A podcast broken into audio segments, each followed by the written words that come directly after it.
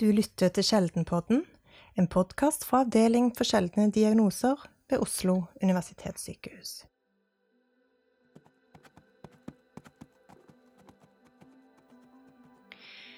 Når du hører hovslag, er det vanligvis fra en hest. Men en sjelden gang kan det være en sebra. Hvordan kan du vite?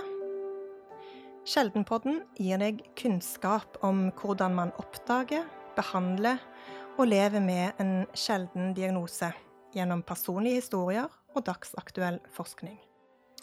Men i denne episoden skal vi ta et skritt tilbake og snakke om hva sjeldenhet er. Med meg i studio har jeg Olve Mollestad, leder for Avdeling for sjeldne diagnoser ved Oslo universitetssykehus. Og først, Olve. Hva er definisjonen på en sjelden diagnose? Ja, det er jo litt spesielt med sjeldne diagnoser. Vanligvis så klassifiserer man jo diagnoser etter biologi, eh, symptombilde eller årsak. Eh, men det her er jo også snakk om en administrativ definisjon, og den definisjonen er en per færre enn én per 2000 individer i, i, i landet. Da. Og det er, det er, en helt ny definisjon i Norge. Eh, den har vi adoptert fra Europa, som vi samarbeider mest med på dette området. Og derfor var det nå naturlig å harmonisere den definisjonen mellom eh, de andre europeiske landene og, og Norge. Men hva med de ultrasjeldne diagnosene, er disse også tatt med i den? Ja, det blir jo en undergruppe igjen av de sjeldne diagnosene, og den har ikke noe egentlig sånn administrativ eller offisiell definisjon. Um, det nasjonale helseinstituttet i USA de har definert det som uh, færre enn én på 50 000. Og det er vanlig i litteraturen å på en måte bruke eller adoptere den definisjonen. Så det vil si at uh, for å være ultrasjelden så vil det være færre enn 100 individer i, i Norge, da. Sånn cirka. Har du en sånn noenlunde oversikt over hvor mange sjeldne diagnoser vi har i Norge til sammen? Nei, det har vi ikke. Altså, det fins jo internasjonale estimater. Eh, eh, internasjonale databaser over hvor mange sjeldne diagnoser man eh, kartlegger etter ulike systematiseringssystemer. Men vi vet ikke hvor mange som er representert i Norge. Vi eh, jobber nå i eh, den nasjonale kompetansetjenesten for sjeldne diagnoser, som jeg tror vi skal komme litt tilbake til etterpå, eh, med å lage et eget register over sjeldne diagnoser, altså alle individene med sjeldne tilstander i Norge. Men det er jo grunn til å tro at vi har et, en undergruppe av alle kjente liksom, representativt utvalg av sjeldne tilstander på verdensbasis. Og der opererer man med et sted mellom 5000 og 8000 ulike sjeldne diagnoser. Og um, Orphanet-systemet, som er en sånn europeisk database over sjeldne diagnoser, de opererer med 6172 diagnoser per i dag. Eh, andre systemer, sånn som OMIM, eh, som jeg ikke skal gå inn på forkortelsen av, men eh, der kommer det til sånn ca. 300 nye eh, molekylært definerte diagnoser i året. Så dette er på en måte et bevegelig mål. Det vokser i antall over tid. Eh, vil ikke vokse uendelig, men etter hvert som vi får bedre Eh, molekylærdiagnostikk, bedre oversikt, så eh, kommer det til nye diagnoser som blir definert som sjeldne. Og da er det kanskje ikke enklere å svare på hvor mange personer med en sjelden diagnose vi har i Norge til sammen? Nei. Du kan si, som en liksom fortsettelse på forrige spørsmål, så i denne nasjonale kompetansetjenesten for sjeldne diagnoser, så har vi gitt tilbud til i overkant av 1000 ulike diagnoser. Eh, vi antar, og igjen så blir det veldig grove estimater, at det finnes mellom 30 000 og 100 000 individer i Norge med en sjelden eh, diagnose. Men hvis vi ser på de ulike estimatene, det er gjort f.eks. Eh, studier fra sykehus i Hongkong og Australia, så varierer da eh, antallet, eller altså frekvensen mellom eh, Eller andelen, rettere sagt, mellom 1,5 til 6,2 eh, av populasjonen som har en sjelden diagnose. Eh, så eh, Men dette er jo estimater, og det er, det er, det er vanskelig Det fins veldig dårlig tallmateriale på dette. Sjeldenpodden er en podkast fra Avdeling for sjeldne diagnoser her på Oslo universitetssykehus. Kan du si litt om hvem vi er?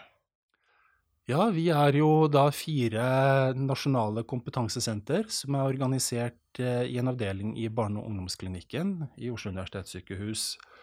Og de eh, fire sentrene, det er eh, Senter for sjeldne diagnoser.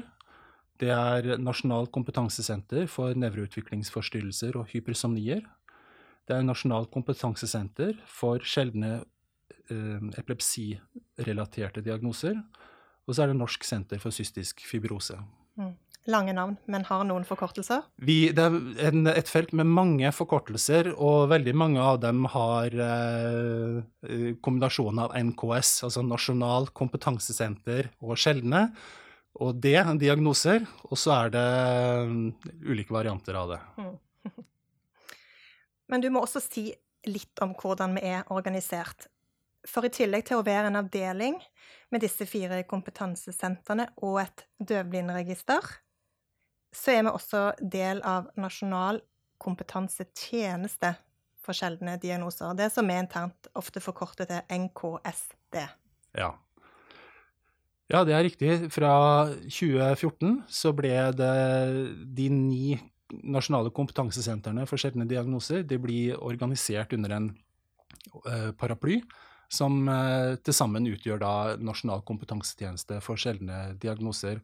Så I tillegg til de eh, ni sentrene, så er det da en felles eh, eh, fellesenhet som eh, styrer og organiserer disse, disse sentrene.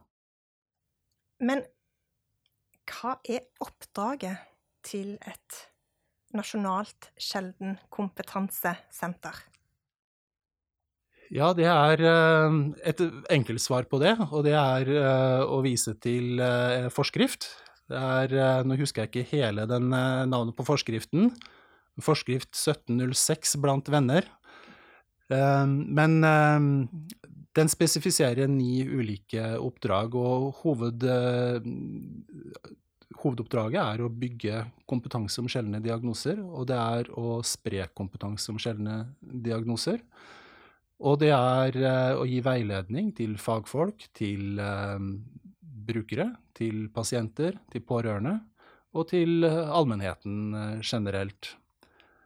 Ehm, sånn konkret så er det jo veldig variert aktivitet i disse sjeldensentrene. Det spenner seg fra spesialisert behandling til rådgivning, psykososiale støttesamtaler, Eh, til eh, informasjonsspredning, til eh, drive og, eller opprette og drive register, kvalitetsregister. Det gjelder forskning, forskningsformidling. Så det er et veldig bredt spekter av oppgaver. Så hvis vi skal gå inn på Nå har vi snakket om hva som er oppdraget, men hvem er det som jobber i kompetansesentrene? Det er jo stort sett uh, ulike helseprofesjoner som utgjør uh, hovedtyngden av uh, våre ansatte. Som regel er det fagfolk som har uh, jobba til dels ganske lenge med behandling og oppfølging av sjeldne diagnoser på mer kliniske avdelinger. Og som ønsker å jobbe mer med si, systematisk kompetansebygging og kompetansespredning knytta til disse sjeldne diagnosene. Men vi har jo også andre grupper. Eh, du utgjør jo en eh, slik gruppe, kommunikasjonsrådgivere. Og det er også pedagoger og eh, realister og andre som kan gi en sånn spesial, eller utfyllende spesialkompetanse da, til helsepersonell. Så vi gjør en liten dreining til å snakke mye om, snakker mye om organisering og hvem som, hva vi skal jobbe for, oppdraget vårt, og hvem vi er. Men nå har jeg òg lyst til å stille deg et spørsmål som, som, for, som er mer knytta opp mot de som lever med en sjelden diagnose. Hva tenker du er deres største utfordring, altså for de som lever med en sjelden diagnose i Norge i dag? Helt overordna så er det jo det at helsepersonell sånn generelt, fagfolk i andre sektorer også, vet jo ofte ikke hva disse diagnosene er for noe, hva de innebærer av symptomer og utfordringer i, i hverdagen. Ehm, så det er en mangel på kompetanse i, i helsetjenesten da, som er eh, kanskje den største utfordringa. Og det er også en mangel på tilgjengelig behandling og oppfølging for eh, disse pasientgruppene. Har det noe å si hvor de befinner seg i landet? De skal jo egentlig ikke ha noe å si. Det, mange av disse eh, eh, diagnosene er, har såpass spesiell diagnostikk og, og, og, behandling og oppfølging at de eh, blir henvist til sentrale sykehus, ofte til Haukeland, St. Olav, Oslo universitetssykehus. Eh, og at det finnes eh, spesialisert kompetanse der. Men det er klart at én ting er at de har en, noen kjerneproblemer knytta til grunndiagnosen sin, men de er jo ikke immune mot andre helseutfordringer også. Og da er det viktig at helsepersonell rundt om i landet kan skille hva som er knytta til selve den grunnleggende diagnosen, og eventuelle andre problemer disse pasientene får. Nå skal vi se litt inn i framtida. Fordi vi venter jo og har gjort en god stund på den første nasjonale sjeldenstrategien her i landet. Forhåpentligvis så er den klar i løpet av 2021. Vi har fått litt signaler på det. Men hva kan vi vente oss, dersom du våger å antyde som leder, avdelingsleder for sjeldne diagnoser her på OS? Ja, nei, det, det, er jo et spørsmål der, hva jeg våger å, å, våger å spekulere mm, i. Det foreligger jo et utkast som er utarbeidet av Helsedirektoratet sammen med en, både en arbeidsgruppe med helsepersonell og pasientrepresentanter, brukerrepresentanter. Um, og det har også vært en referansegruppe, så det har vært et veldig uh, sammensatt uh, arbeid. Og de har kom, leverte nå rett før uh, jul et uh, et utkast til en slik strategi til Helse- og omsorgsdepartementet. Og det blir spennende å se hvordan eh, departementet plukker opp eh, de forslagene i, denne, i, dette utkastet og gjør det til sin egen eh, politikk. Noe av det denne utkastet til strategi peker på, er jo et behov for en mer systematisk tilgang til god utredning og diagnostikk. Eh, og at det skal være tilgjengelig i alle regioner. Ehm, så er et annet poeng er dette med tilgang til eh, den best tilgjengelige eh, behandlinga for disse pasientgruppene. Det brukes en god del oppmerksomhet på å tilrettelegge for god oppfølging i nærmiljøet, altså mestringsaspektet ved å ha en sjelden diagnose. Og så er det en del om forskning og internasjonalt eh, samarbeid. Og eh, det satses jo eh, på eh, det som kalles europeiske referansenettverk, som er en sånn paneuropeisk eh, fagnettverk, eller faglig overbygging, da, hvor man eh, i Europa samarbeider om å utvikle kompetanse omkring sjeldne diagnoser og dele på den kunnskapen som finnes i eh, det internasjonale fagmiljøet. Så det har både tilbud til enkeltpasienter, og eh, så er det mer en sånn fagutviklingsaspekt ved disse referansenettverkene. Vi har eh, altså mye spennende i vente. Kanskje blir det forsinkelser pga. pandemien, men vi, vi gleder oss jo tross alt til denne strategien skal ligge klar, sånn at vi vet hva vi skal gå i gang med. Ja, det, vi gleder oss veldig til å få en, eh, en, strategi og eh, noen ordentlige politiske føringer for eh, hvor, hvor helseforvaltninga ønsker at vi skal ta dette arbeidet. Mm. Det, det, har vi ønska oss lenge. Det var altså siste spørsmål. Og dette gikk jo riktig bra, Olve. Eller hva syns du sjøl?